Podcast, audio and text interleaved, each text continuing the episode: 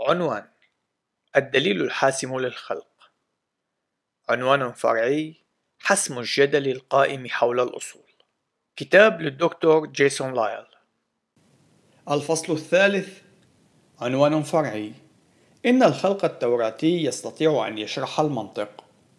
بما أن الإله الذي أعلن عن ذاته في الوحي المقدس هو غير مادي وكلي القدرة وكلي الوجود وخارج حدود الزمن فإنه من المفهوم أن نمتلك قوانين للمنطق تكون غير مادية عالمية وغير متغيرة. بما أن الله قد أعلن عن نفسه للإنسان فنحن نستطيع أن نتعلم ونستخدم المنطق. وبما أن الله قد خلق الكون وهو خلق ذهننا. فإنه من المفهوم أن أذهاننا ستكون قادرة على دراسة وفهم الكون لكن إن كانت أذهاننا أو الكون عبارة عن نتاج عمل المصادفة والزمن كما يجادل التطوريون لماذا سنتوقع بأن يكون للكون أي معنى؟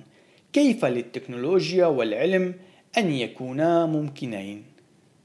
إن كلا من التفكير المنطقي والعلم والتكنولوجيا تحمل معنى في ضوء الرؤية الخلقية التوراتية للعالم فالمسيحي المتمسك بالكتاب المقدس يمتلك أساسا لهذه الأشياء في حين أن التطورية لا يمتلك أي أساس لها.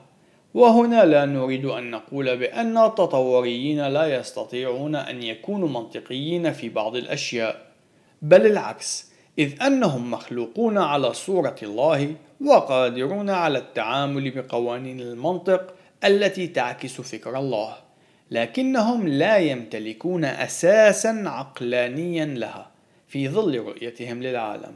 بنفس الطريقة التي أظهرناها سابقا التطوريون قادرون على أن يكونوا أخلاقيين لكنهم لا يمتلكون أساسا للأخلاق بناء على رؤيتهم للعالم التي يعلنون إيمانهم بها. إن الإنسان التطوري يسير وفق حزمة من التناقضات فهو يستعمل المنطق ويدرس العلوم. في الوقت عينه ينكر الله الذي يجعل من العلوم والمنطق أمرا ممكنا.